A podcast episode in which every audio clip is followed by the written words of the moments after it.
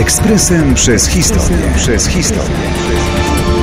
2 września 1945 roku powstała konspiracyjna organizacja Wolność i Niezawisłość. Nawet data założenia win, dzień po kolejnej rocznicy ataku Niemiec na Polskę, wydaje się symboliczna. Był to wyjątkowo gorzki czas dla Polaków. Tak wiele wycierpieli przez lata okupacji, dziesiątkowani przez niemiecki i sowiecki terror, by teraz, kiedy oficjalnie II wojna światowa się skończyła, znów znaleźć się pod obcym butem. Oczywiście Stalin, wiedząc, że Brytyjczycy i Amerykanie nie kiwną nawet palcem dla ratowania Polaków, cynicznie informował świat, że w Nowej Polsce lud sam wybrał sobie nową władzę.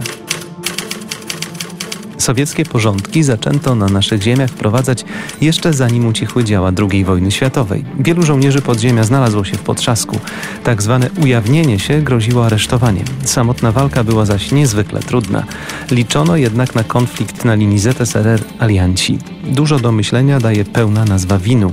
Ruch oporu bez wojny i dywersji, wolność i niezawisłość. Był to wszak rodzaj kontynuacji działalności delegatury rządu na kraj. Nowa organizacja przejęła jej struktury, majątek i kadry. Założenie było więc w teorii proste. Nie dopuścić, by komuniści przejęli władzę w powojennej Polsce. Niestety owi komuniści mieli wsparcie sowieckiego Molocha. Początkowo jednak nie rozwiązano leśnych oddziałów, przewidując otwartą konfrontację. Jesienią 1945 roku część żołnierzy się ujawniła i wielu z nich natychmiast trafiło do więzień.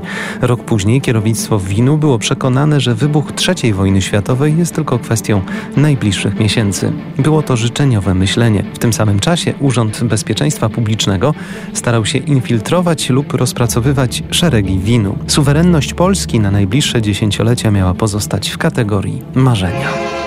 Ekspresem przez historię. Przez historię.